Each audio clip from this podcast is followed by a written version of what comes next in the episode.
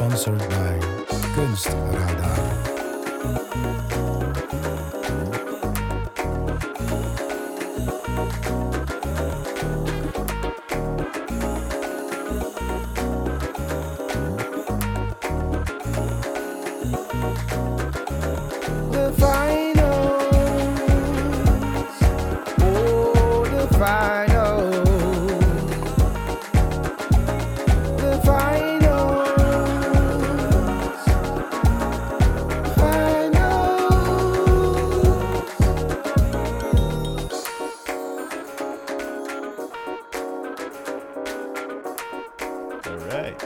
Dankjewel, Eddie en Henning. Daar beginnen we natuurlijk altijd mee. Ehm, nou, luisteraars, lieve luisteraars en lieve gasten, welkom bij de Finals Podcast. Het is alweer aflevering 4, volgens Zeker. mij, als ik goed Ja, kan tellen. ja, ja, De laatste keer dat ik dat deed, wel. En we hebben vandaag de gast eh, Benjamin en Anna. Eh, hartstikke bedankt dat jullie hier zijn. Dankjewel. Hallo. Jullie hebben natuurlijk ook weer, eh, zoals alle andere gasten ook, de voorwerpen meegenomen. En eh, ja, daar willen we stiekem heel graag over praten. Maar daar beginnen we lekker niet mee. Nee, we gaan eerst iets anders doen. Oh. Want we zitten hier natuurlijk niet zomaar. Jullie zitten in eh, het afstudeerjaar, jaar 5, wordt het dan eh, hier genoemd. 3,5 misschien. Vier en een half. Ik vind jaar 5 wel mooi. Jaar Klinkt 5. cooler. Het klinkt Het klinkt cooler en daar gaat het om. Praktisch gezien is het 4,5. Maar we zijn hier natuurlijk niet zomaar gekomen. Jullie zijn ergens begonnen. En ik denk dat het een goed idee is als we daar dan ook de podcast mee beginnen. Eh, Benjamin, toen jij hier naar de kunstacademie kwam, 4,5 of 5 jaar geleden, ehm, wat voor verwachtingen had je daarbij? Ehm, van hoe het zou zijn of wat ik eruit wil halen? Hoe het zou zijn, laten we daarmee beginnen. Ehm, nou, ik had veel meer een wildere verwachting daarbij. Ehm, ik had het idee, zoals Rietveld Academie, want wij waren daar laat. En wij zeiden uiteindelijk tegen elkaar, het is alsof we uiteindelijk soort van Harry Potter-achtig zijn of zo, hoe we uiteindelijk eruit zien en zo. En ik had het idee dat de kunstacademie eigenlijk eruit zien zou zien als die van Rietveld, weet je, waar iedereen er soort van cool uitzag, fashionable, maar ook misschien een beetje neppig-achtig. Dus wij vinden ons er niet fashionable uitzien. Nee, maar ook niet neppig, Harry ook niet Potter. neppig. Harry Potter. Harry Potter, kun je dat uitleggen? Wat bedoel je met Harry Potter? Eh, Volgens mij ja, had ik gewoon, ik had gewoon een hele lange jas aan. Het was, Ja, nee, ik denk dat het niet te. Zwijnstein-achtigheid. Ja, Ja. het was wel cool dan. ja, maar ik vind het fijn dat eigenlijk hier op deze school het veel meer sincere aan, aanvoelt. En ook gewoon mensen ook echt oprecht overkomen. En nee, het is niet fashionable per se, maar iedereen is wel echt zichzelf. En, het is niet, en de kleding die ze dragen is ook gewoon een representatie van hunzelf. Terwijl op andere scholen, of mijn idee van de kunstacademie, dacht ik van, oh, iedereen doet mo- daar moeite voor. Maar ook dat daardoor je minder op jezelf gaat lijken of zo. Of minder jezelf Mm. bent. Ja, ik herken wel een klein beetje met het... Als je naar de kunstacademie... Tenminste, wel als ik naar de kunstacademie... Toen ik naar de kunstacademie ging, had ik er wel een, een beeld van dat het echt een wereld is met, met hele coole mensen. Ja, bedreigende mensen of zo. Ja ik, iedereen met- ja, ik vond het wel spannend wat dat betreft. Maar dan, inderdaad, na vier jaar kom je erachter van... Weet je wel? Dat eh, iedereen is gewoon, doet gewoon hier zijn ding. Ik bedoel, het Ja. is niet zo stoer. Nee, het, ook echt gewoon, het voelt echt aan als mensen. En het ding is ook gewoon dat je met elkaar praat op een hele menselijke eh, lijn, constant. Ja. Ja, en we hebben ook gewoon wel collegiale gesprekken en zo, maar toen ik hier kwam had ik echt het idee dat, dat ik hier zou zijn en iedereen constant gaat praten dan over hun werk constant, maar het zijn echt gewoon mensen als ze hier naar school gaan. ja. Want je dacht eerst dat het een soort supercoole tovenaars waren die onbereikbaar waren. ja, vooral onbereikbaar, ja. Onbereikbaar, ja. Ja. Is dat, Hipsters Wijnstein. Hipsters is dat in jou, in jou want wat, wat voor werk maakte jij überhaupt in de eerste? Oh, nog steeds. Het lijkt nog eens wel een klein beetje op hetzelfde als ik eerder maak, maar ik wil eigenlijk eh, daar juist beter in worden wat ik toen deed. Wat maar in de toen? eerste eh, maakte ik uiteindelijk vooral veel eh, landschappen waar allemaal soort van deze eh, utopische... ehm, ik wil het geen monsters doen, maar gewoon... Hoe, noem je, hoe zou jij het noemen eigenlijk, Anna? Ja, ik, weet, ik kan me nog herinneren in de eerste dat we een keer een gesprek hadden over dat je, dat je een steen had die dan ging lopen. Ehm, en dat ik echt dat hele gesprek zoiets had van, maar hoe gaat die steen lopen dan? maar dat, dat jij echt op een totaal ander level Ja. zat Je gelooft Dat alles wat je zegt. Precies, ja, ja, ja, ja, ja. Maar het waren altijd harebrained schemes. In, Er waren allemaal ideeën die gewoon veel groter waren dan ik eigenlijk had kunnen maken. Maar het Ja. was allemaal wel werk wat gewoon al in een bepaalde wereld zat. En er was ook wat werk was wat ik eigenlijk al maakte voordat ik op de academie kwam. En ik op de academie eigenlijk daar een wat, steer, wat sterkere sta- taal wil vinden. Maar ook veel beter begrijpen wat ik eigenlijk aan het doen was toen al. Omdat ik eigenlijk al iets deed wat me interesseerde, fascineerde. En ik had dat eigenlijk gewoon laten, door laten groeien. In, in welke vorm uit dit zich eerst dan? Eh, vooral een figuratie, eh, figuratie en licht abstract dan. Ehm, Tekenend of eh, wel sculpturaal? Of, en het eerste jaar moet je alles doen, maar werk in het eerste jaar was dus inderdaad sculptuur en een schilderij toe gaan maken. Maar ik denk dat ik het meest sterk was al in tekenen en sculptuur. Maar ik heb hiervoor eigenlijk een illustratieopleiding gedaan en het fijne eigenlijk van die opleiding is dat je eigenlijk al bepaald sculpturaal vermogen al hebt, maar dan in de hand. En het fijne was dan dat ik dan hier begon met sculptuur en toen ik dat eenmaal deed, was het wel veel speelser dan jezelf. Als ik heb heel veel ervaring dan met tekenen, maar als je het een, eenmaal omzet dan naar een, schilder, naar een sculptuur, we werken heel erg anders mee als je totaal geen enkele ervaring hebt mee. Ja, Dus je Ja. kon ineens die, die eigen wereld kon je op een totaal andere manier vormgeven. in de ruimte Ook omdat ik uiteindelijk problemen had met het materiaal te kunnen begrijpen. Als een sculptuur was een nieuw materiaal en ik probeerde daar gewoon dat wat ik leerde uit tekenen te plaatsen in een sculpturen, maar dat is natuurlijk moeilijk. Ja, En dat, dat, dat ongemak wat ik daarbij had, ik denk dat vanuit dat ongemak en het niet eruit kunnen halen wat ik af en toe kon halen uit mijn tekenen, daaruit kon ik dan dingen laten groeien die ik in- niet in mijn tekenen, tekeningen kon laten groeien. Dus op die manier groeide het wel gewoon uit tot iets groters. is die, is die tekening wel voor jou vaak dan een basis geweest voor wat je Ja, deed? zeker. Nu niet meer, omdat ik uiteindelijk mezelf heb proberen te vertellen dat ik dit jaar gewoon focus op mijn sculpturale werk. Maar het was wel zo dat ehm, ik elk jaar voor, me- voor mezelf begon met tekenen.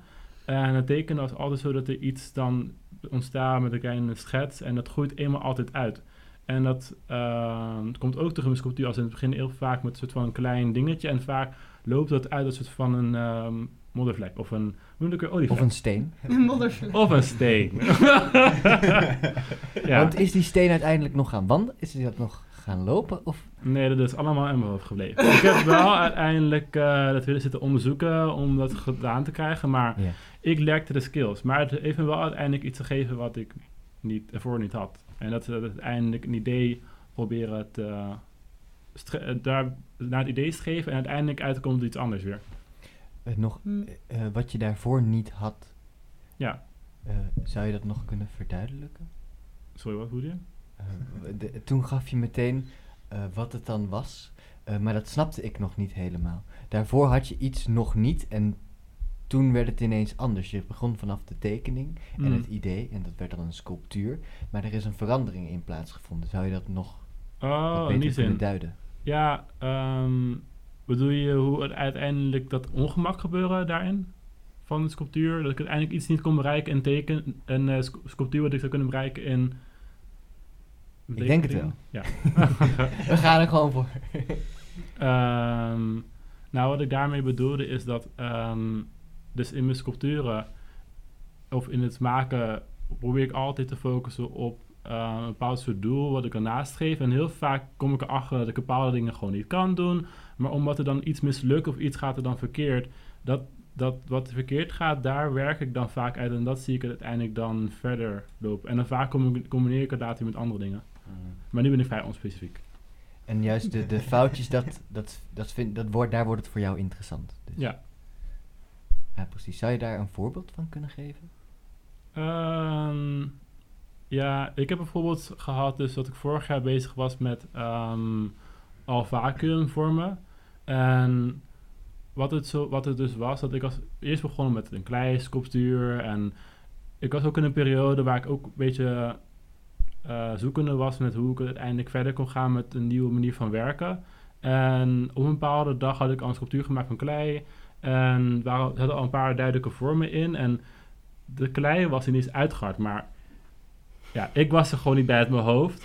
En ik bracht het toen naar de ehm, vacuümmachine en ik liet het toen een vacuüm vormen. En het fijne daarvan was dat het zacht was, was het uiteindelijk zo dus dat ehm, al de texturen die erin zaten waren uiteindelijk gewoon veel glanzender dan normaal. Als je uiteindelijk een kleiskotine was het veel ruwer geweest. En daardoor leek het veel meer op porselein, terwijl het eigenlijk gips was. De afgietsel Mm. ervan uiteindelijk. Mm. En dat is uiteindelijk dus een fout die ik dus meemaak. En dat is omdat ik dus zelf eh, een totaal ander idee had. Dus eigenlijk wou ik een uitgehouden versie hebben in plaats van eh, niet uitgehouden versie. Maar uiteindelijk, de fout zorgde ervoor dat ik een nieuw, een nieuw medium ondervond. Of een nieuw trucje ondervond in de medium, waardoor ik uiteindelijk een interessante sculptuur kan maken. Mm. Ja. Oh, nice. Echt een geluk bij een ongeluk. Ja. En buit je dat dan ook daarna uit? Heb je dat vaker Voor mijn gedaan? afstudeerjaar heb ik dat zeker. Ja. Ja, ja, maar daar Ja. zijn we nog niet. Nee, nee, nee, nee. nee. Ehm, Maar van buiten ziet jouw, jouw maakproces er ook altijd uit alsof alles de hele tijd per ongeluk gewoon heel vet wordt. Ja. Zeg maar, er zit, het is duidelijk dat het ergens vandaan komt en dat er die hele binnenwereld is, al vanaf de eerste. Maar dan, het maakproces is altijd, het lijkt zo onhandig en rommelig en er is zoveel. En dan als je het uiteindelijk ziet, heb je zoiets van, oh, maar hij wist al die tijd eigenlijk Kan je, kan je een voorbeeld goed. noemen van, van Ja. die rommeligheid? Heb je zijn studio gezien? Ja. Wat, wat is er in zijn studio? Wat wij kunnen zien? Het found, found objects, eh, latex, klei. Ik denk gewoon alle media en, en materialen die, die er beschikbaar zijn op school, ben je echt sowieso allemaal afgegaan. ja, aan het claimen en zo. Zeker aan het claimen. En dat is, dat is, eh, dat is te zien in je studio. Ja. Ja. Is er nog een looppad? Nee, dat ontbreekt er niet. Gewoon echt heel erg aan genoeg. Nee, maar ja, dat is zeker. En ik denk dat dat is ook wel de kracht die ik heb. Dat ik heel erg leer te werken met, met het ongemak in de fout constant. Maar ik denk dat je waar gelijk in hebt. Dat ik zeker ergens wel weet wat het moet worden. En ik laat ook gewoon heel vaak gewoon de vrijheid om die fout gewoon constant te laten plaatsvinden in mijn werk. Mm. En ik hou het ook gewoon graag bij me. Omdat ik, het fijne is van die eh, illustratiestudie die ik gehad heb. Is op die studie was ik heel veel bezig uiteindelijk gewoon met constant eh, merken van... Oké, eerst moet ik iets uitleggen, want dit, dit, dit legt het veel beter uit hoe ik dat praktijk een beetje werk. Ik deed illustratie en ik was geen goede illustrator. I can tell you, I was the worst. ik zat uiteindelijk in een klas met allemaal streeuwtjes. En dan heb je streeuwtjes, die ik zelf ook ben, maar niet kan tekenen. En de rest die een streeuwtje is en allemaal kan tekenen. Wat niet een fijne situatie is. Dus ik ehm, had heel veel problemen met het uiteindelijk kunnen ehm, meevaren op die boot, weet je wel. Mee, of mee te kunnen rennen met die, met, die, met die sprint. En op een bepaald moment toen kwam ik uiteindelijk in het tweede jaar van de illustratiestudie. En toen kwam ik erachter van, oh, ik ben blijkbaar wel een klein beetje creatief.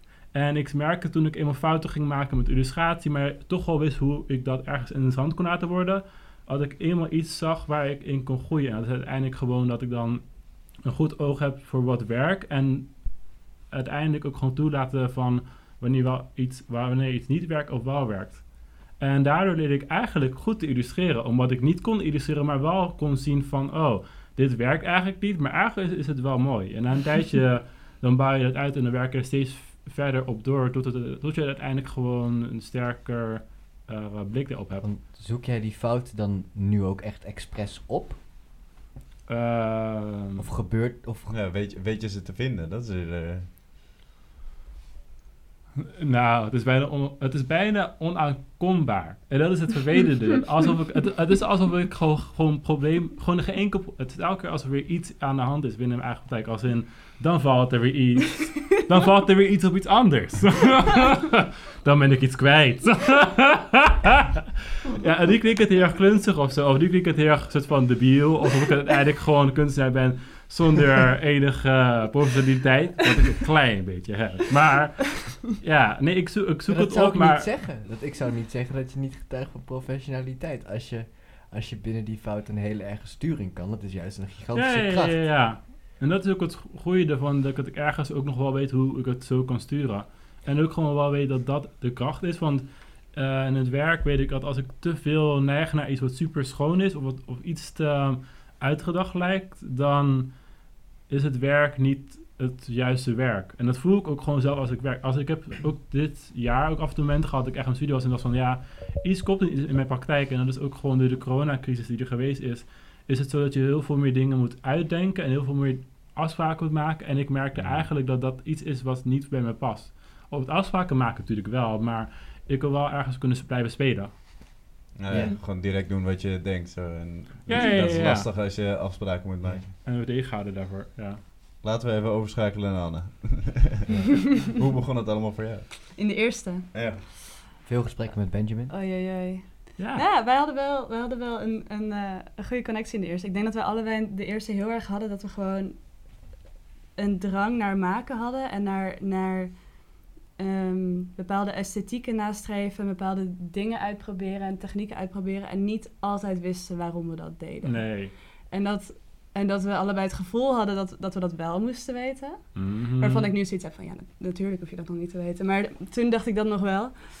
En ehm, ja, ik weet niet. Dus ik denk in de eerste maakte ik heel veel... Wat maakte ik allemaal? Had je ook van die wilde fantasieën als lopende stenen? Of, eh? Nee, nee, nee. Nee, nee, nee. Nee, ik wilde gewoon... Ja, ik was, ik was gewoon bezig met, met wat ik mooi vond. Wat ik, wat ik mooi vond om te maken. En er zat echt nog heel, heel weinig Nou. soort van gedachten achter, heb ik het idee. Kan jij een werk van Anna herinneren uit de Eh, eerste? Eigenlijk wel de tweede kan ik me herinneren. Maar ik kan wel waar ik in de eerste De- herinneren. had. Ik- Vanaf de tweede werd het heel anders. Was het ook zo in de tweede dat je die vleescollage Ja. had gemaakt? Oké, Ja. de tweede kan ik veel beter Tweede, herinneren. En ik kan ja. ook nog herinneren dat je in de eerste zo'n werk had gemaakt. Het ging over hekserij en zo. Ja, In- Klopt, ja, op een met moment... collages en zo. Ja, ik ben er inderdaad. Ik maakte veel collages. Ik maakte veel collages van, ehm, van zelfportretten en ook veel... eh, ik verkleedde me ook veel voor zelfportretten. En ik denk wat in de eerste nog heel erg aanwezig was in mijn werk... is dat, ehm, is dat ik eh, als bijbaantje heel erg lang eh, haar en make-up heb gedaan voor, ehm, voor theater. Ehm, dat komt omdat mijn moeder daar, kostuumontwerpster daar is. komt ook het verkleden vandaan dan? Ja, dat denk ik wel. Ik denk, en in de eerste was het gewoon nog heel erg... eh putte ik daar heel veel inspiratie uit.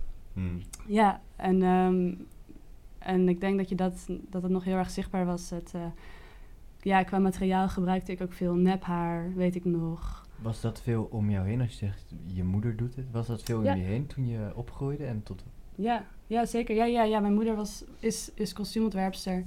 Dus ik ben opgegroeid in, eh, in theaters en op filmsets.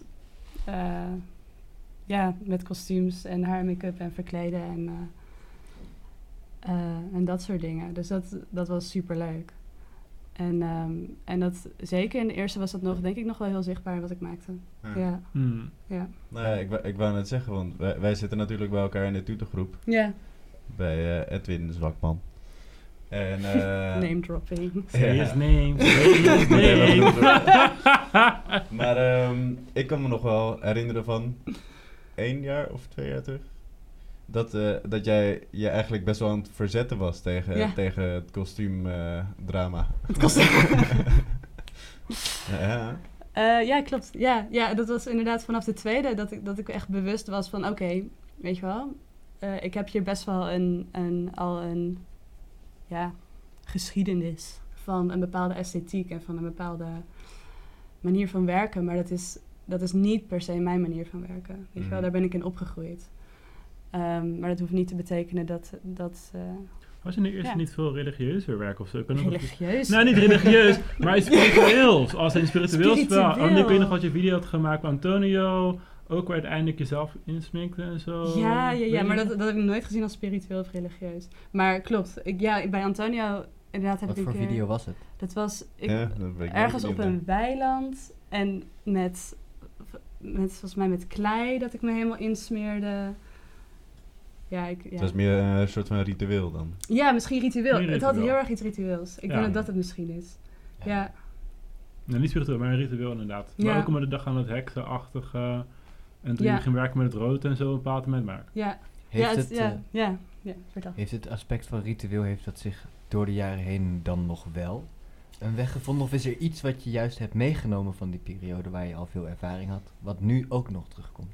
Ja, ja, ik denk eigenlijk, het, het, inderdaad, vanaf de tweede heb ik me redelijk expres er tegen afgezet. En ik denk dat nu in de vierde, vijfde, ehm, het een beetje is teruggekomen. En, maar dan op, vanuit, vanuit best wel een andere invalshoek en vanuit best wel een andere manier van denken. Waarin ik echt eerst heb kunnen vinden wat, wat ik dan belangrijk vind en, en waarom ik dit überhaupt doe. Ehm, en dat ik vanuit daaruit weer de waarde kon gaan inzien van ehm, ja, van, van dat theatrale. Mm. En dat vind ik nu ook super leuk dat ik dat weer kan gebruiken. Maar dat het nu voelt als iets wat, wat ik gebruik. Hmm. En niet wat er gewoon al is of zo. Ja, zeker. Ja. Dus je hebt het juist eh, omgevormd tot iets wat niet meer, ja, waar je echt jouw invalshoek. Ja. eh, want wat is er dan precies veranderd waardoor je het nu zeg maar voor je hebt gespannen en niet dat het er al was? Wat, wat is die verandering geweest? Die verandering is geweest dat ik, dat ik ehm, heb gevonden, eh, de, de subject matter heb gevonden van waar ik kunst over en mee wil maken.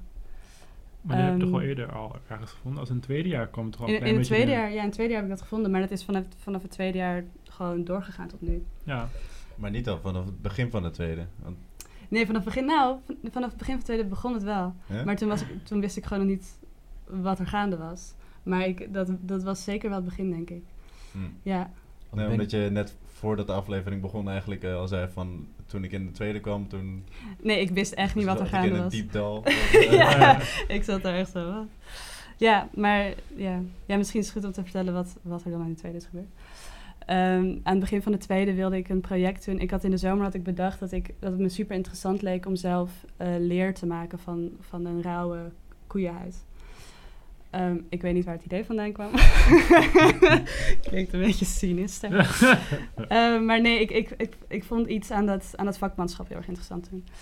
Ehm, dus in de tweede heb ik toen rondgemaild naar, eigenlijk naar slachthuizen of, of wat er gebeurde met de huiden van, van koeien en kalfjes die, die dan daar geslacht werden. En, en of, die, weet je wel, of ik er misschien eentje mee mocht nemen. En, eh, en toen kreeg ik antwoord van, van een groot slachthuis in Apeldoorn. ehm, dat ik daar wel langs mocht komen. Dus toen ben ik daar naar ehm, een kalverslachthuis geweest. En eigenlijk naar het bedrijf daarnaast, wat dan de, de huiden. Die kregen ze dan binnen, recht van het kalfje af, zeg maar. En die, die zouten ze dan helemaal.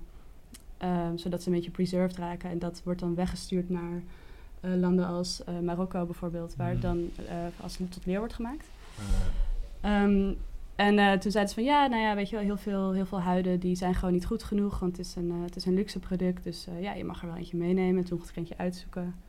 Toen stond ik, toen stond ik op het, eh, op het eh, station van Apeldoorn met echt een huid van, ik denk wel 8 kilo of zo, en een vuilniszak. Zo, oké. alsof je een lijk aan het vervoeren bent. Ja, precies. En wat, heeft dat met je, wat heeft dat met je eh, gedaan? Want het lijkt me niet Ja. zomaar een ervaring om even eventjes lekker een huidje te gaan halen bij een slachthuis. Ja, dat heeft wel heel veel getriggerd. Je hebt ook werk gemaakt uit, toch? Ja, Want daar ja. ben je het huis ingaan, foto's gaan maken daarvan. Precies. Ja, ja, dat inderdaad toen, dat, die ervaring dat ik dat, ehm, dat zag. En dit was dan nog niet eens het slachthuis zelf. Maar zag de, vooral de, de hoeveelheid. ehm, kan ik me nog heel goed herinneren. De, de soort van de hallen vol met echt tot, tot het plafond eh, pallets met deze huiden. Ehm, en de geur. En er stond heel erg hard een radio op. En, en hoe, hoe de mensen daar gewoon, weet je wel, eh 9 tot 5 werkten, zeg maar. De, de absurdheid daarvan heeft best wel even lang moeten verteren voordat ik dat begreep. Ehm, maar dat heeft wel zeker wel getriggerd dat ik, ehm, ja, dat ik werk ben gaan maken over hoe we, hoe we met non-human animals, noem ik dat dan, niet, eh, niet menselijke dieren eh, omgaan. En eh, dat is de subject matter waar ik nu mee bezig ben. Ja. Ja, ik, ik wou net zeggen van, kan je die, kan je die geur eh, beschrijven? Want die, Ja. die heb ik wel eh, meegemaakt. Maar, Ja. ja, die heb je al meegemaakt, ja. Dus, eh, heel Ja. heftig is dat, ja. Het is, een heb hele jij- intense geur. Ja. Hoe heb jij die geur meegemaakt? nou ja, Anna... Misschien kan Anna het zelf beter vertellen. Nee, maar vertel die, jij maar, zij- ik wil het zij wel heeft, horen. Zij heeft dus sinds de tweede die huid. Ja. En die moet koel gehouden worden. Dus Mhm. er staat hier op de vierde verdieping staat een eh, vrieskist. Nog steeds. Met, Nog met nog steeds die huiden erin. En, Ja. die, eh, en die had ze af en toe even tevoorschijn voor een, eh, voor een schouw of eh, voor een... Dan moet het er weer uit. Om, eh, om het eh, in ieder geval de geur te gebruiken. Volgens mij komt, komt die vaak niet eens in zicht.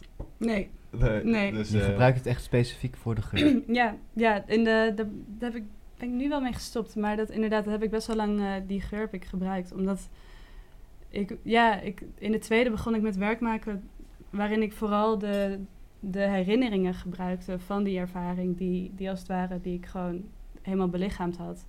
Ehm, en die geur was een van de meest intense dingen die, die ik me kan herinneren. Dus dat wilde ik dan, eh, ja, Hm. andere mensen ook laten ervaren. Kon, kon, je, kon je, als je dan die geur gebruikte, kon je jezelf daar dan van eh, distancieren? Of werd je dan teruggezogen naar dat moment als je dat zelf gebruikte? Dat lijkt me best intens, om dat iedere keer Ja. in je werk te... Ja, dat was het ook wel. Ja, ja ik, weet- ik heb heel erg lang, eh, heb ik dat best wel, ehm, ja, ik weet niet, genegeerd bijna. Dat, dat hierover werk maken heel erg heftig is op de manier waarop ik doe. Ehm, dus ook zeker met die geur eh, was dat elke keer eh, niet leuk om te doen. En werd dat, werden er zeker bepaalde dingen getriggerd in mij die ik dan ehm, ja, een beetje wegduwde, want ik was werk aan het maken en de schouw was er bijna en stress en school. Ehm, Laat je dat nu wel toe? ja. Ja, ja, dat heb ik eh, sinds dit jaar wel, wel toegelaten. Ehm, en ik denk ook dat dankzij dat ik, ik nu wat genuanceerder, poëtischer, theatraler werk heb kunnen maken met die, met die ervaringen met dit onderwerp. Ja. Ja. Oké. Ik ben even helemaal... eh, Ja. helemaal Ja, de- Ehm, even we stil van. kunnen overschakelen eh, naar eh, onze dat- Benjamin en zijn eh, Ja. voorwerp. Ja. Wat heb je meegenomen? Eh, wat ik heb meegenomen is een patroon of al een deel van de jas. Dat is uiteindelijk de mouw die je uiteindelijk zelf kan aandoen. Ik kan hem aandoen. Zal ik hem Ja, aandoen? ik vind hem zien. Ja. Doe hem even aan. Ik weet niet of de camera Het het klinkt ook zien. wel heel lekker. klinkt ook al. Ja, ik voor, heb de, voor de luisteraars zonder beeld, het is een soort... eh, ja, het is een Tadaa. mouw van siliconen lijkt het wel. Eh, Er latex. zit nog een speld. Latex. Ja, sowieso. Maar ik heb het ook niet klaar. Als het, ik moet nog zo dit hele ding nog gaan eh, Maar in ieder geval de mouw. Ziet het eruit? als we het dan net hebben gehad over de slachthuizen, dan moet ik nu gelijk denken aan iets van een kip Slee. of zo. En een Maar- kip. Van alle dingen denk je daar. Oké. Ik zou niet denken kip, maar Nee. Zombie kip het misschien. pak is niet af. Ga jij dit dragen? Tijdens, tijdens de finals? Nee. Of waar- waarom Ik- heb je dit object meegenomen? Ehm, Oké, het is uiteindelijk een pak die ik maak voor een performance. ja. Eh, het is zo dat deze pak gaat gedragen worden op een deel van de performance, niet vanaf het begin af aan. Ehm, wat het eigenlijk is, is ook zo, zo dat het uiteindelijk dus de afgietsel is van de recyclebare computerschermen die ik eerder in mijn werk nu gebruikt heb en nu weer gebruik. Wat Ehm, hebben we? Eh, Recyclebare computerscherm? Wat houdt dat in? In deze mouw. ik, heb, even een crash. Ja, goed het zegt. Want eh, wat ik gedaan heb, is, is dat ik heb uiteindelijk vaker voor me gemaakt van recyclebare computerschermen. Wat ik toen gedaan heb, is, is dat ik uiteindelijk ehm, al die mannen heb verzameld. In ben gaan be- beginnen met knippen. Toen heb ik daar uiteindelijk sculpturen weer uitgemaakt. En vanuit die sculpturen heb ik toen klei gekocht die je voor eeuwig kan recyclen. En daar heb ik het Oh. uiteindelijk is één grote sculptuur uitgemaakt, maar toen ben ik daar weer in gaan kleien. Dus dan heb je een combinatie van die eh, structuren van de recyclebare computerschermen, eh, de, ehm, hoe heet ik weer, je hebt de niet tussenruimte, maar je hebt uiteindelijk de negatieve en de positieve versies, maar ook gewoon dus uiteindelijk vormen die ik zelf gemaakt heb dan. Eh, en dat zie je dus hier in die mouw. Maar die mouw is eigenlijk dus een deel van een eerdere sculptuur. Die ook in de ruimte staat, maar, maar elders. Ehm, Is dat vaker in jouw werk zo dat, dat er constant herhaling eh, is? dingen terugkomen? Ja. Ja, zeker. Ehm, want dat is het wat ik eigenlijk al mee begon, is dat ik dus hier op school kwam. En ik kwam hier op school en ik kwam hier op school met een animatie die ik gemaakt had. En een animatie die, waar je eigenlijk al een eigen wereld in kan zien. Een wereld waar je allemaal figuren in zag. ehm, een wereld onder water op dat moment. Een wereld waar je vormen in zag die je herkennen, maar ook niet kon herkennen. Ehm, en het is zo dat ik dus sindsdien echt, ik hier op school kwam, eigenlijk elk jaar ben begonnen met dingen uit te diepen vanuit dat, dat verhaal wat ik toen daar zag. En dus het is dus zo dat ik in een tweede eh, ben door gaan werken op iets wat ik eerder aan het werken was. En eigenlijk zo is het zo dus dat elk jaar weer deze dingen dus weer terugkomen herhalen, maar op elke keer weer op een andere manier en elke keer ook gewoon in een andere verpakking of in een ander format of Ehm, en het is ook niet hetzelfde als in, kijk, dit is uiteindelijk dus recyclebare computerschermen. Daarvoor waren bepaalde vormen, en, eh, maar toch lijken die vormen ergens op elkaar, maar ook zijn ze te herkennen en ook weer niet te herkennen. En over het herhalen daarvan, ehm, ja, wat me daar ook wel interesseert interesseert is ook omdat je elke keer als toeschouwer dan hebt wat je iets kan, iets kan zien, wat je kan herkennen, ehm, maar eigenlijk er niet volledig kan begrijpen of zo. Omdat je er eigenlijk gewoon maar een glimp ervan kan zien, omdat er een bepaalde soort van complexiteit in zit die dan moeilijk het achterhalen is. Omdat het eigenlijk al iets is waar zoveel ge- gefragmenteerd gewoon. eh, ja, omdat het altijd gefragmenteerd eh, blijft. En ook gewoon omdat er zover, zoveel vertaalslagen er al in, ge- in gemaakt zijn dat het ook niet meer te herkennen valt. Hm. Ja. Wat- Ik vind het ook wel heel vet dat je eigenlijk vanuit de eerste tot nu één groot project hebt eigenlijk. Ja, Zo, dat wilde ik net net zeggen. Het klinkt alsof je altijd aan het, aan het doorbouwen en weer aan het terugkomen bent. En weer, weet je wel, iets wat je zegt, klei dat eeuwig recyclebaar is. Dat triggert bij mij echt het idee dat je gewoon voor altijd datzelfde sculptuur door kan blijven kleien. En dat is gewoon best wel een, mooi, Ja, ja, ja, ja, ja. een mooie manier van je practice opbouwen of zo.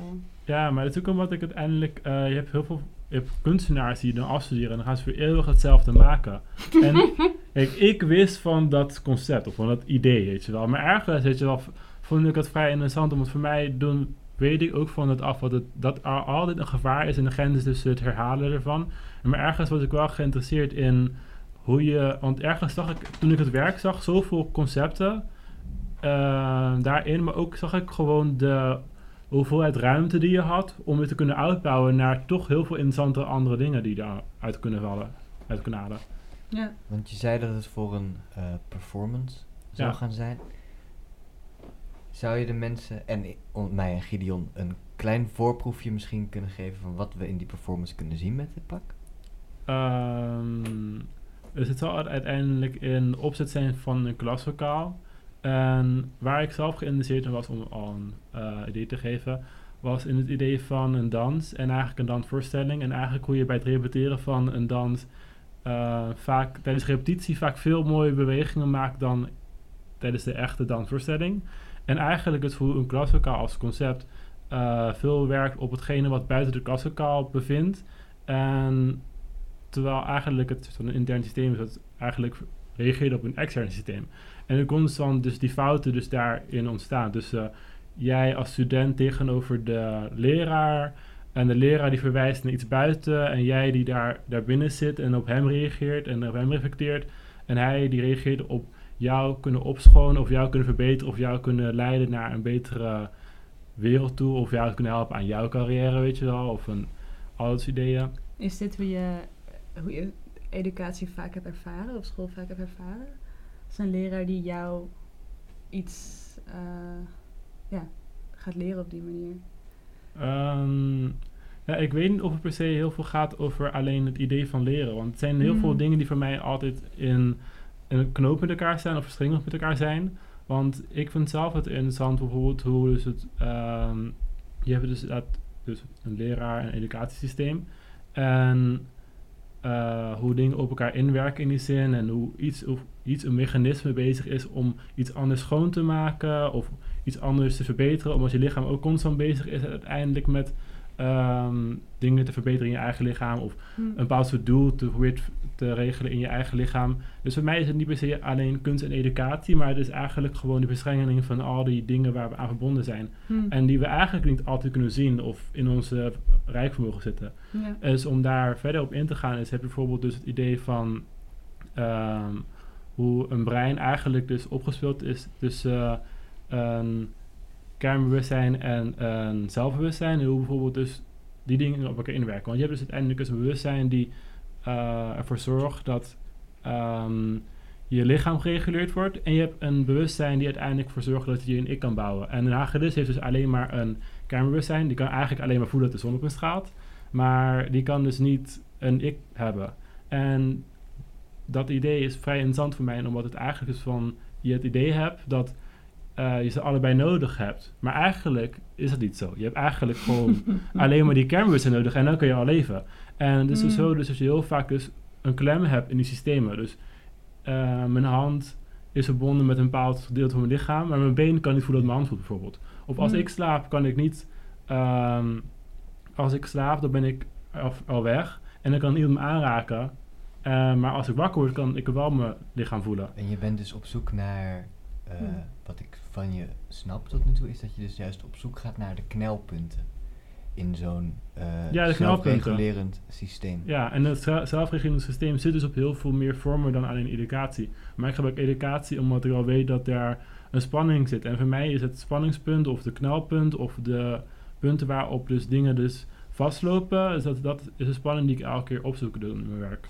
Dus vandaar dat ik uiteindelijk op zoek ben naar het vleesige maken van de recyclebare computerschermen. Omdat ik ook een bepaald contrast zie dus in het idee dat je een computer hebt die zich- zichzelf al bezig, constant bezig is met schoonmaken. En jij die als uh, van een computer ook bezig is met het computer schoonmaken. Want we gaan nu van computerschermen naar hagedissen, naar kernbewustzijn, naar klaslokaal. Naar, er is een hele reis bijna in een eigen wereld. Maar ik verstond ergens het woordje dans. Dans. En toen Dans. dacht ik, wat heb jij met dans? Heb jij gedanst vroeger? Eh, Doe je dat nu nog? Ja. Ik kan nog steeds heel goed dansen.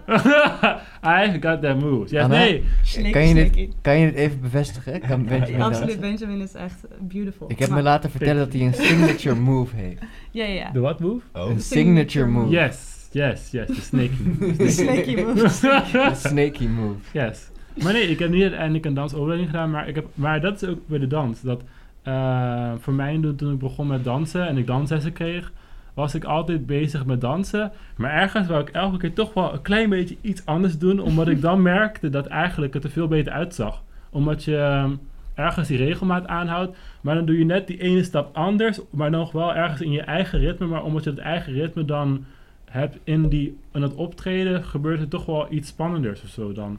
Ja. voor mezelf. Maar ook gewoon het beeld op zich vond ik ook beter. nee, maar wat ik denk, je kan met performers werken. En je kan ze vertellen wat ze, wat, wat ze moeten doen. Maar ergens moeten zij zelf weten hoe ze hun lichaam werken. En hoe ze zelf Mm. die spanningspunten kunnen vinden in hun eigen lichaam. Want, Ja, Ja. ja. Ja. ja. Dus juist door dat net een beetje anders op te zoeken, zeg je, daar komt dan, daar gebeurt iets. Wat je Ja. eigenlijk niet helemaal... Zodat... Ik moest, ik moest net eh, bij jouw verhaal over je schoonmaken, computer, eh, kreeg ik een flashback naar een performance waar jij volgens mij ook aan meedeed. dat was die performance. Dat was de Dat performance. was de performance. Hey. Kun je daar... wa- Waar doe je op? Het, eh, Deze heb ik niet Er gezien, gaat denk iets over je hoofd. eh, We hebben met eh, eh, een van de vele projecten die we hier op school hebben moeten doen, eh, hebben jullie een, eh, een, een, een performance gedaan. En ik heb, ik heb daar helemaal stuk gelegen in ieder geval. I know. je was zo op de tape. Kun je, kun, je, kun je nog even beschrijven wat, wat ik dan heb gemist? Eh, En Anna? Ik ben heel benieuwd. Kan Benjamin dat, kan Benjamin dat niet beter zelf doen? Ik bedoel, Nou. eh, Ja, misschien. ik heb grotendeels ook alleen maar Nee, maar het is wel leuk om... Als ik het doe? Oké. Ja, ik Ja. ja. Wat ik me ervan kan herinneren is dat het, eh, je komt daar binnen je, in een klaslokaal. Dus je gaat heel schools aan je tafeltje zitten. En eh, wat ik me kan herinneren is dat ik in ieder geval dacht... Oké, we hebben een docent waar we naar gaan luisteren. Maar ondertussen zitten er ook mensen naast je die eh, eigenlijk de performers zijn. En dan gebeuren er allerlei rare dingen die je niet helemaal verwacht in een klaslokaal. Zoals een schoonmaakster die eh, opeens bij iemand de arm optrekt en even onder de arm spuit en daar gaat schoonmaken. En heel, heel trippy in ieder geval, maar ik heb goed, eh, goed gelachen. Wordt er ook gedanst? nee, Dat nee, niet, dat komt er niet bij. Nee, nee, nee. Maar, nee, maar dat is voor mij inspiratie. Dat zijn het Mm. voor mijn inspiratiepunten. Ja, dus ja, het, ja. het spel, dat is... eh, ehm, Je ziet het wel als een choreografie, zeg maar zo. ja, dat, dat Ah, zeker. ja, ja, ja. Ook omdat dus inderdaad sowieso een script is. En het is Mm. een script waar ook dus echt afwijking is. En het is een script waar sowieso ergens in zitten, maar er is ook een deel in het script dus waar ik van weet dat daar weet ik weet nooit hoe dat gaat eindigen en dat het elke keer anders is. Ehm, en ik weet ook gewoon dat het elke keer anders zal zijn. En om dat beter uit te leggen, ehm, dus wat we gedaan hebben, is dat uiteindelijk een performance afspeelt dus in een klaslokaal. En je hebt uiteindelijk een leraar die voor je staat, maar de leraar is eigenlijk een uitgekozen persoon uit het publiek. Ja. En ehm, dan heb je uiteindelijk dan het publiek, die gaat gewoon zitten.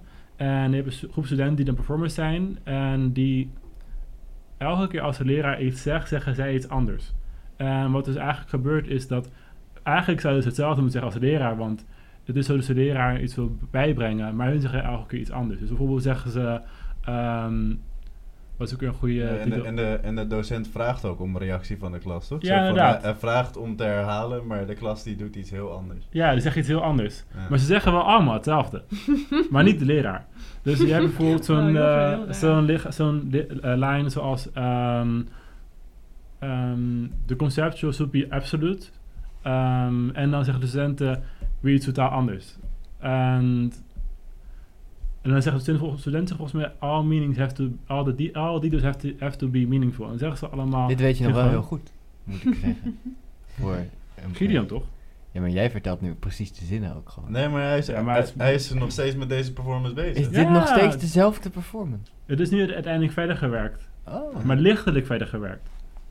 wat gaaf. En uiteindelijk een combinatie met sculptuur, maar er zal ook uiteindelijk een eh, ruimte zijn waar andere sc- sculpturen liggen. Ah, oké. Ehm, dus dat. Nog meer? Oké. Dus dit kostuum is dan voor een van de Performers. Ja. performers. Ja, Ja. ja, ja. Ik, ik begreep het dat, dat het ging over een... Dan is het echt de hele tijd een soort van herhaling van wat er dan... Dat is echt heel impressive eigenlijk. Wat gaaf. ja. Ja. Maar dat is het even voor de afronding ervan. Dus eh, dan heb je dus de, die error. En wat is gebeurd in de installatie is dat de studenten zeggen eigenlijk dezelfde zin als de leraar. Alleen die is door Google Translate gehaald en dan vertaald naar andere talen. Totdat het niet meer klopt. En dan gewoon gehouden zoals het is. En het gekke is dat het niet kloppen eigenlijk iets heel geks doet dan. Omdat je iets zegt zoals... ehm the conceptual should be the absolute en dan all meanings have to be meaningful. Ergens om, in die combinatie van die twee zinnen zeg je iets wat toch ergens heel gek is. En toch ergens wel klopt. Ergens die van binnen. Ehm, ja, en het gaat dan zo door. En het ding is dus zo, dus dat is de eerste ronde. En bij de tweede ronde is het zo dus dat een deel van de performance gaat dan in een andere taal praten en de andere performance gaat in een andere toon praten. Ook omdat het dus vooral gaat over hoe taal transformeert en hoe door regelmatige herhaling ook gewoon dingen constant veranderen. Ehm, ja, en hoe het dus dan verder gaat, dus dan heb je uiteindelijk dus die fouten dan al, überhaupt. Maar als de performers fouten maken, moet de assistent van de leraar, moet dus dan uiteindelijk naar de studenten toekomen om ze schoon te maken. dus het wederhandspijt was omdat ze een fout maakten.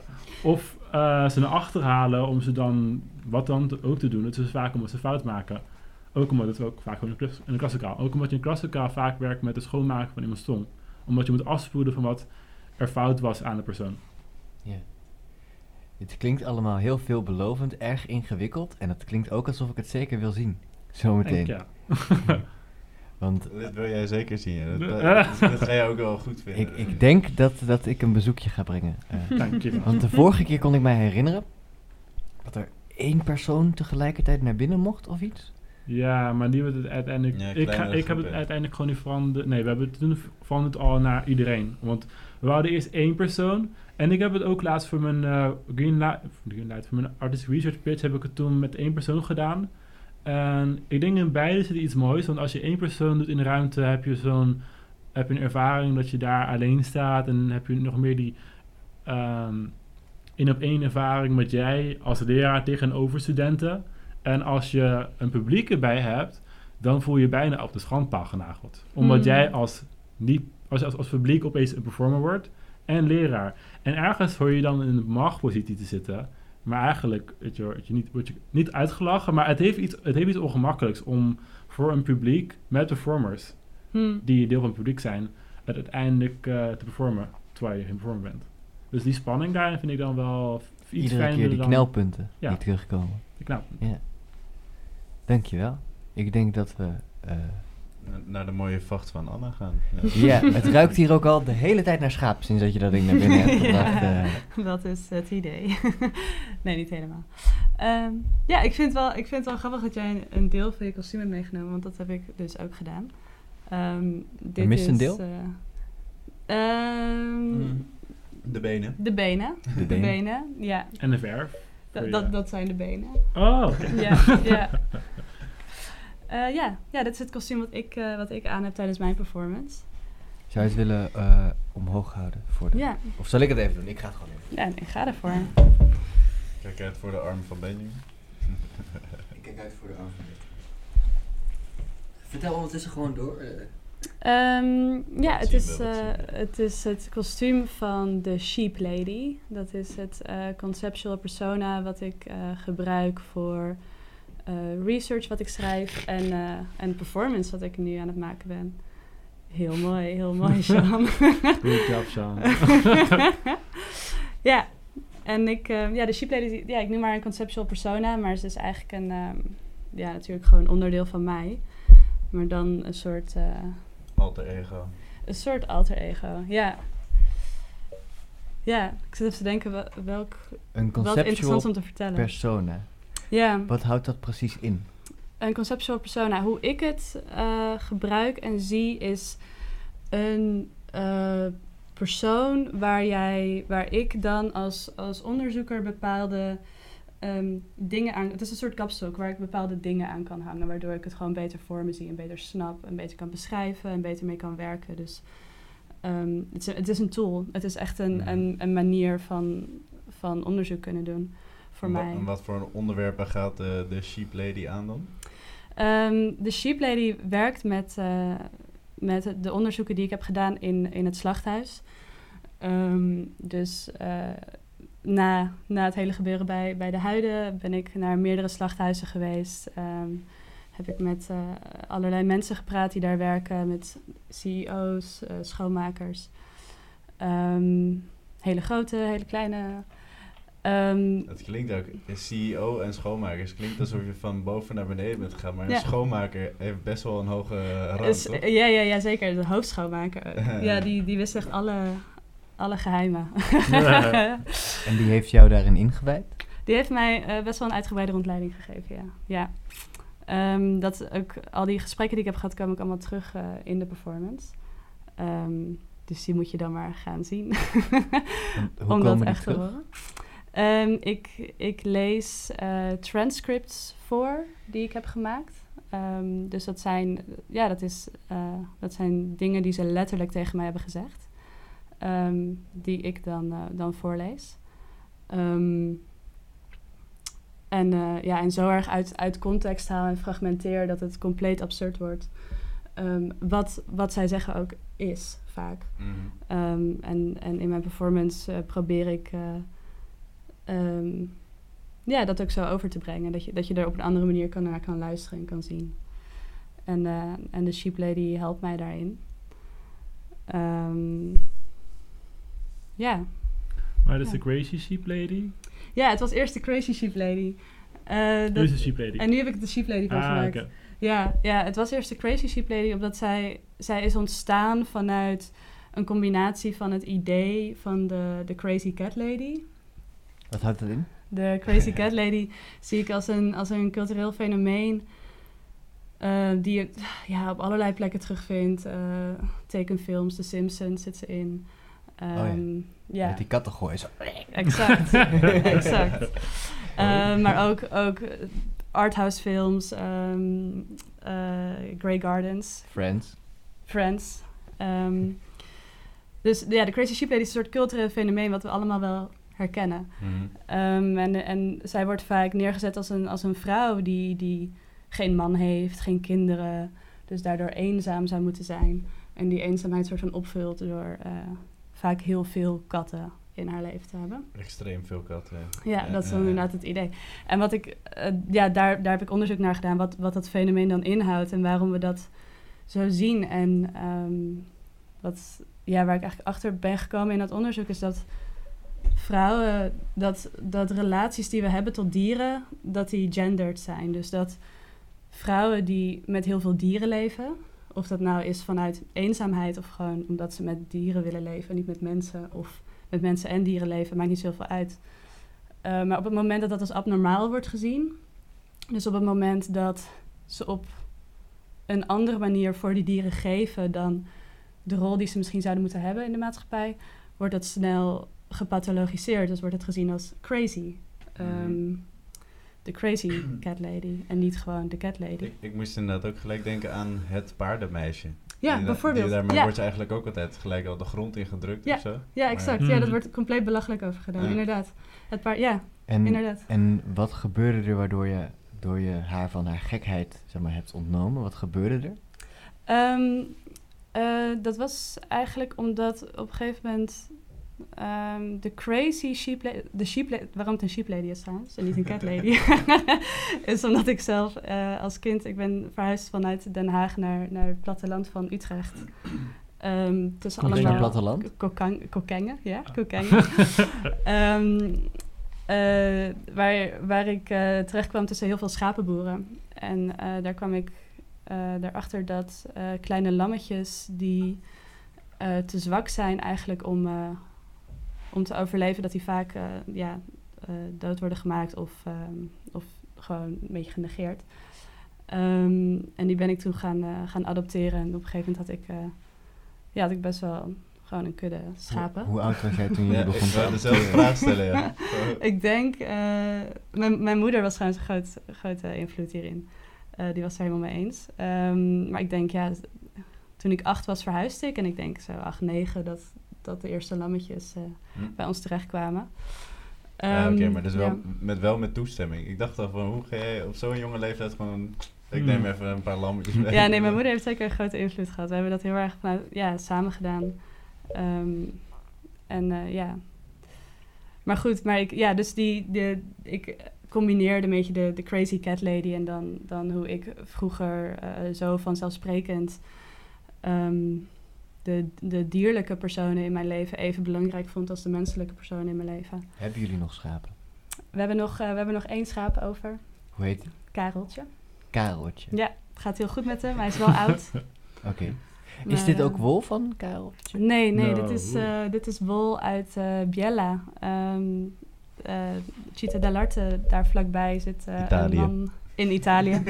Waar wij een project hebben. waar, precies, waar veel projecten worden gedaan vanuit Artis. Ehm daar is een man uit eh, Ierland, Nigel, die, ehm, die probeert eigenlijk de wolindustrie in Biella weer een beetje op te krikken. Omdat veel wol, ehm, eigenlijk alle wol die industrieel eh, gebruikt wordt, komt uit Australië. Ehm, terwijl eh, er heel erg veel schapen zijn in Europa en al die wol Ja. wordt, wordt weggegooid eigenlijk vaak. Of, of heel goedkoop gebruikt als isolatie en zo. Dus hij probeert daar de, wol, de wolindustrie, de lokale wolindustrie, weer een beetje ja, gaande te krijgen. Een bizar verhaal dit. Ja, Hoe kom je erachter? Dus even importeren is, is goedkoper blijkbaar of zo Ja. dan... Bizar. ja, ja, en op een gegeven moment is ook in, eh, ja, dat gaat weer een hele andere tak in. Maar in Biella, eh, dat, dat was een, ehm, een, een hele, hele rijke, heel rijk stadje eigenlijk in Italië, omdat ze daar heel erg veel wisten over wol. En er was heel veel, heel veel kennis en heel veel fabrieken eh, die met wol werkten. Ehm, en door de globalisering, dit is wat Nigel me vertelde, door de globalisering eh, is dat eigenlijk allemaal eh, weggegaan daar. Ehm, ja, maar ik mocht deze wol mocht ik van hem hebben. Het is ook, ja, het is, het is een heel ingewikkeld verhaal. Het, is, het is ook heel, wat ook vooral belangrijk is, is heel veel specialisme, schijnbaar. Het is heel moeilijk materiaal om, mooi te verwerken. Ik heb bijna wel een vraag over de Crazy Sheep Lady en Cat, en, eh, cat Lady. Over de paardenmeisje. Waarom denken eigenlijk dat mensen ze genderen? Ja, eh, waarom, dat, ja waarom dat gebeurt? Goeie vraag. Ehm, nou ja, waar ik achter kwam in, in het onderzoek wat ik deed, is dat, dat we dus vrouwen vaak in, in een eh, zorgende rol eh, willen zien. Als, we, als we naar traditionele genderrollen kijken, Hmm. zijn vrouwen degene die thuis blijven voor de kinderen zorgen. Dus vrouwen zijn de, de carers in deze wereld. Dus op het moment dat, dat ehm, dierlijke personen dat een vrouw daar verkeerd om geeft, wordt het ge- gepathologiseerd. Maar op het moment dat een man een CEO is van een slachthuis waar tienduizenden kalveren per week doorheen gaan, eh, is dat heel normaal.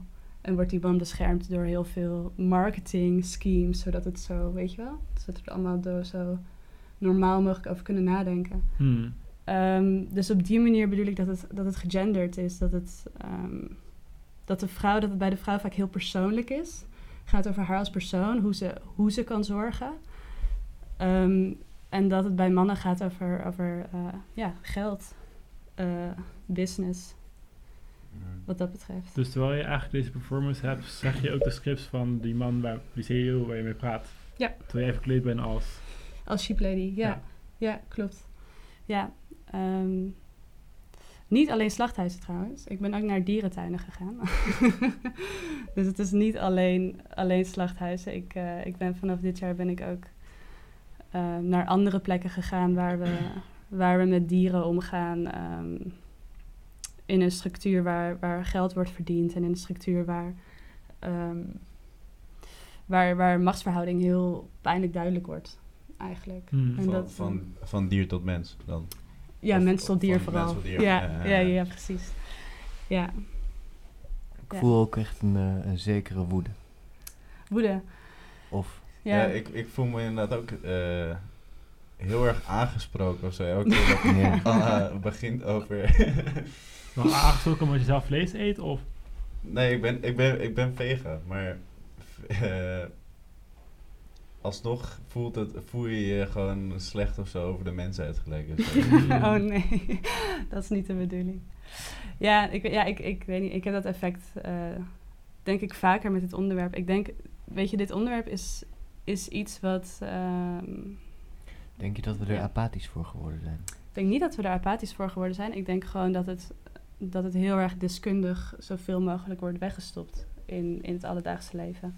De manier waarop we praten over dieren, de manier waarop supermarkten zijn ingericht, de manier waarop we, ja, wat ik al zei, de- de, de marketingtechnieken van, van eh, hele grote veehouderijen. Eh, het wordt ons heel erg makkelijk gemaakt om er niet mee bezig te zijn. Dus Mhm. ik, ja, ik kan me voorstellen, of tenminste, ik, ik herken dit heel effect heel erg, dat mensen er ongemakkelijk van worden als ik erover begin. Ehm of zich aangesproken voelen, inderdaad. Ja, ja dat, eh, dat gebeurt vaker. Maar ja, we zoeken het ook op in je werk? die ongemakkelijkheid. Het, het gaat mij niet om de ongemakkelijkheid. Ehm, dat mensen zich ongemakkelijk voelen. Ehm, nou, het gaat mij niet om de ongemakkelijkheid, maar wat ik wel eh, belangrijk vind, is dat mensen weggaan van mijn werk met het idee dat ze een bepaald eh, verantwoordelijkheidsgevoel hebben. Ehm, ik denk dat we in een wereld leven waarin er bijna onvermijdelijk een machtspositie is over- over dieren. Als je mens bent, wordt geboren als mens, word je geboren in een machtspositie over, over niet-mensen. Mhm. Dat is, dat is op dit moment hoe onze maatschappij in elkaar zit en, en hoe kapitalisme werkt. Dus, ehm, en ik, ik denk dat ik mensen vooral graag mee wil geven dat als je een machtspositie hebt, je verantwoordelijkheid hebt over die machtspositie. En dat is denk ik vooral waar het mij over gaat. Het gaat, niet, het gaat me niet over dat je je slecht voelt om mens te zijn. Ik denk niet dat dat, dat het waar is of constructief is. Ik denk dat het, dat het gaat over dat als je mens bent en, en onvermijdbaar die machtspositie hebt, je, je daar verantwoordelijkheid voor moet dragen. Mhm. Ik Ja. heb nog eh, één laatste vraag. En dan moeten we naar de echte, echte laatste vraag toe. Oh jee. Ehm, ik weet dat jij je altijd hebt verzet tegen het eh, woord activist. Ja. Jij, jij voelde je nooit een activist of jij wilde het niet zijn of zoiets. Voelde, Mm. maar nu wel? Ik Ja. heb het gevoel dat dat, dat dat heel erg in je alter ego eh, is gekropen dan. Ja, ik weet het niet. Ik denk dat ik, ik, denk dat ik een, eh, een veel breder begrip heb gekregen van wat activisme is. Ik denk dat ook ehm, ja, in, de, in de bredere kunstwereld kan ik, kan ik het nog niet over hebben, maar op de academie had ik vaak het gevoel van, oh, activistische kunst, dat is heel ehm, in your face. En, eh, In het eerste jaar waren we beide zo. ja, Dat we beide echt dachten, jammer genoeg. dat we, dat we activistisch waren. Nee, nee, nee, dat nee we eigenlijk keer ja. zo dachten over, oh, activistisch Ja, werk, precies. Dat, dat het heel erg met het vingertje vingertje wijzen Je moet het zo doen. Mm, jou Ja. schuld, jou Dus laten. Precies, precies. En dat, dat is iets waar ik me inderdaad tegen heb afgezet. Maar ik, wat ik nu... Ik, ik denk dat ik meer eh, begin te begrijpen... Ik ben er nog niet, maar begin te begrijpen wat activisme echt inhoudt. En dat dat niet, dat dat niet per se gaat over met het vingertje wijzen. Mhm. En dat het heel Ehm, veel soort werk is. Ja, ja, precies. Dus je begint Ja. te accepteren dat je jezelf in dat straatje... Nou, ik, ik zou mezelf nog steeds geen activistische kunstenaar noemen. Eh, maar je werk ik heeft wel politieke eh, nulpunten. Ja, ja, ja, ja dat, dat kan ik zeker niet ontkennen.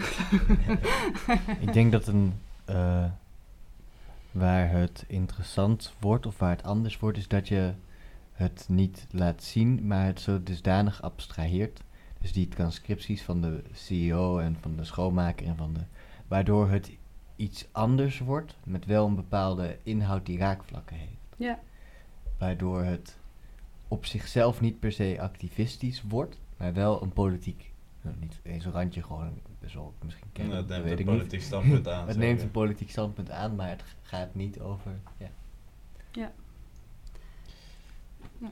Ik denk dat het, dat het eh, ons. eh, Ja, we hebben eigenlijk al een uur, maar we kunnen nog wel even de laatste vraag doen, minstens, toch? ja, we zijn, we zijn al een uur bezig. Ja, ja, ja. ja, ja. Oh, jee. Ik, had, dat- ik had dat ook niet door. Ehm, want nu hebben we een heel goed beeld waar jullie vandaan zijn Mhm. gekomen. Wie jullie nu zijn en wat jullie zo meteen gaan doen bij de finals. Maar de tijd gaat door en daarna komt er natuurlijk ook nog iets. Dus wat zouden jullie willen na de academie? Wat zijn jullie dromen? Wat, wat zien jullie jullie zelf doen? Eh, Ja, Dan mag ja. Benjamin eerst antwoorden. Dan mag Anna er nog even over nadenken. Ja.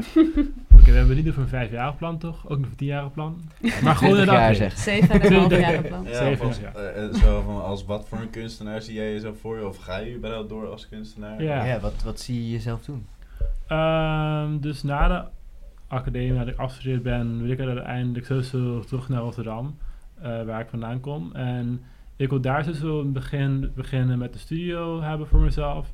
Ehm, voor mezelf werken en in het ritme komen van voor mezelf kunnen werken. Omdat op zo'n academie heb je allemaal verschillende structuren waardoor je bepaald soort werk produceert. En ik wil eerst gewoon daar gewend aan raken, aan mijn eigen structuur. En ook gewoon aan het eh, kunnen rondkomen van hoe ik kan rondkomen. Dus door bijvoorbeeld te combineren met een bijbaan. Als ik kan rondkomen van de commissies, CSA, eh, ga ik niet vanuit. Maar hey, altijd dromen. Oké, eh, maar in de toekomst zou ik wel graag uiteindelijk kunnen leven van mijn praktijk. Ehm, het liefst een grotere en ruime studio. Een hele grote ruime studio. Met assistenten die me kunnen helpen met werk. Want ik heb het altijd nodig gehad in het eerste jaar. dus hey, als er mensen willen Hey, zijn... Anne, heb je tijd? Ja, ja, ja, ja, Die, ja. eh, die heb ik dit jaar ook al twee keer voorbij horen komen. Ja, ja, ja, ja. Ik heb, het vanmiddag nog zien gebeuren. Hey. Sam, Sam. Ja, ja, ja, ja, ja. Kan je me Kun je even helpen tillen? Maar hey, als er mensen die kijken in de podcast, I need help. Always. Als er iemand nog een stageplek zoekt Benjamin neemt ze aan. Allemaal. Allemaal. en hij leert je de snake dansen. Nee, ja, nee, nee, nee, nee. Deze tijd Dat kan zijn dat niet meer. signature move. eh, zijn signature move niet nadoen. Yes. nou, als we uitgaan dan wel misschien. Ja. Maar eh, goed, dus het uiteindelijk assistenten zou fijn zijn als ik gewoon een ruime studio heb.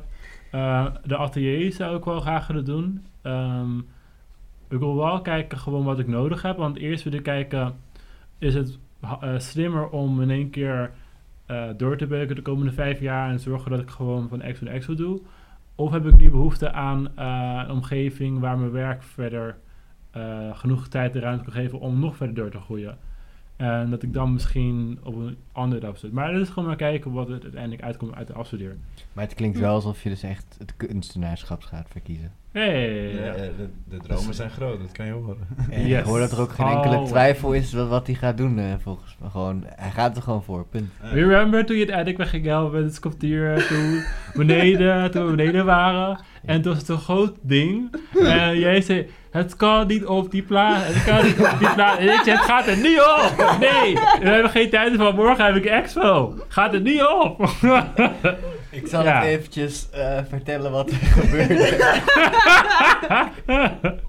Benjamin kwam naar mij toe op een, op een mooie middag. en die zei: John, ik moet iets stillen. En ik heb het nog nooit gedaan, maar we gaan het doen. dus, Ja. dus ik kom daar aan. Daar ligt daar op een soort tafel. eh, ligt er een, een soort eh kleie sculptuur met staal erin of iets. En daaronder dan een x aantal zeilen. Die er daarna ook nog eens af moesten. En dat ding, dat moest op een soort krakkemikkige RPS-tafel. Kakkemikkig, zeker.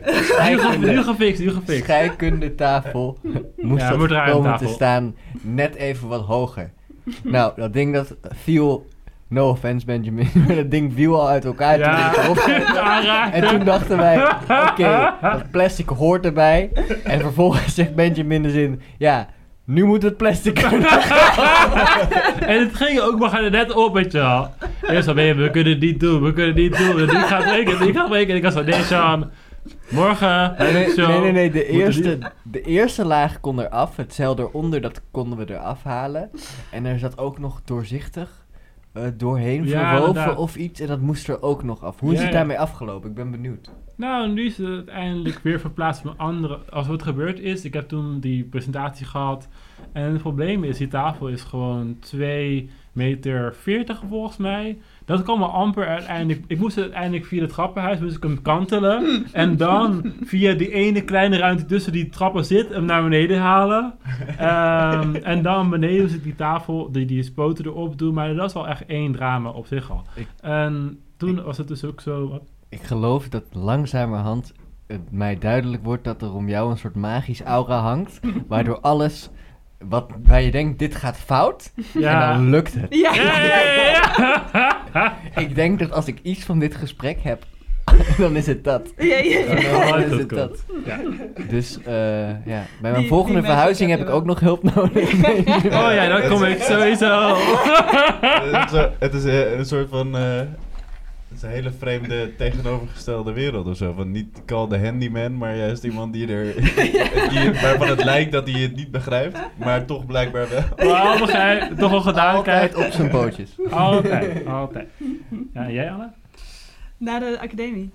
Ehm, ja, ik, eh, ik eh, blijf ook zeker kunstenaar. En ik, eh, ja, ik, weet, ik, ik herken wel wat je zegt. Ik weet wel, studio vinden, doorgaan, kijken wat er gebeurt. maar dat is allemaal korte Ja. termijn. Op de lange termijn hoop ik, hoop ik, eh, hoop ik kunstenares te zijn die, die ervan kan leven, maar ook vooral ehm, een beetje haar, haar niche, haar plek heeft gevonden in de kunstwereld. Waar, waar ik eh, mensen om me heen heb die, die snappen wat ik doe, die, waar ik mee samen kan werken. Het lijkt me super gaaf om een, eh, een collectief te hebben met mensen. Met Ja, zie- like-minded ik zie het ook maar voor me dat jij eh, lezingen of iets eh, organiseert of zo. Maar dat, Oef. dat is misschien... eh Ja, nee, me... organiseren is misschien het voor, een foute woord. Mocht er iemand van de. Radboud kijken en Eh. luisteren. eh, Lijkt me super, super spannend. Maar als maar uiteindelijk wel goed op mensen zich. ehm, over twintig jaar bedenken wie is Anna Ja. Als kunstenaar, wat wil je eigenlijk van wat dat ze... 20 jaar is lang, Ja. mijn vriend. Hoe moet je wel bekend zijn als en hoe zou je bekend willen staan? Ik, eh, wat zou je oh. willen meegeven aan mensen eigenlijk als Hmm. kunstenaar? Oh my god. Ben je Die weer- vraag mag jij daarna Help. ook nog eens even beantwoorden. Nee. Dan stel ik aan, maar... eh, Nee, maar ik bedacht gewoon net van, oh, eigenlijk moest je, moest je komen met zo'n ja, statement. Dat is iets beter om jezelf dan een plaats te geven over de toekomst. Ja, of wat je wil meegeven aan mensen eigenlijk. Of waar je jezelf wil zien. Ja, pre- ja, precies. Ja, ik, was er, ik was er toevallig vandaag nog over aan het nadenken. Want veel mensen vragen nu van... Oh, wat ga je doen na de academie? Ehm, wat voor mij echt flashback is naar, naar middelbare school eh, diploma krijgen. maar... en we hadden allemaal ongelijk. ja, precies, ja, precies. En nu is het anders. Want nu, na je like, middelbare school, kun je denken, oh, ik doe dan HBU. Ja, ja, Ik precies. doe dan... Ja, inderdaad. En En, is nu is van, ik er doe van. eerst... En is van... eh, Ja, klopt. maar ik, nee, maar ik zat er vandaag over na te denken, van, want ik ben nu elke keer aan het zeggen van ja, een studio en uiteindelijk een master. en blablabla. Maar eigenlijk is het veel interessanter om ook gewoon voor jezelf om na te denken van ja, oké, al die praktische dingen natuurlijk. Maar, Ja, wat, precies. maar wat, wat wil ik echt, zeg maar? Wat, welke plek wil ik terechtkomen? Hmm. Hoe wil ik mijn werk kunnen maken of zo? Een Dat is, eh, ja, ja, eventueel. Dat lijkt me wel, eh, wel klinkt mooi. mooi. Dat Ja, vind ik echt mooi. ja. En, en ik wil veel kunnen reizen. Dat vind ik ook echt eh, Ja, gaaf. heel Met schapen. chill aan het kunstenaarschap. Met schapen. Overal schapen, altijd. Ja, crazy sheep lady. Ik denk Ja. dat het hem was. Ja. Ik denk dat we alles hebben. Hartstikke jullie, eh, jullie zijn veel te gezellig. het is Ja, al langer dan een uur. Cute. Ehm, wat, wat we nog wel heel eventjes willen doen. Doen we dat nog? Gaan we dat doen? ja, zo- ja, Jullie we hebben hebben het bij natuurlijk- iedereen gedem, dus dan moet het hier ook. Jullie hebben natuurlijk vast een website. Of Oh. een Instagram. Yes. Of een, waar we jullie op kunnen vinden. Ja. Ehm, jullie dit is je benoemen. moment. Pak je mop bij. Eh, mijn website is www.annadevriend.com. Niet Anna de Vries, Anna de Vriend. Belangrijk.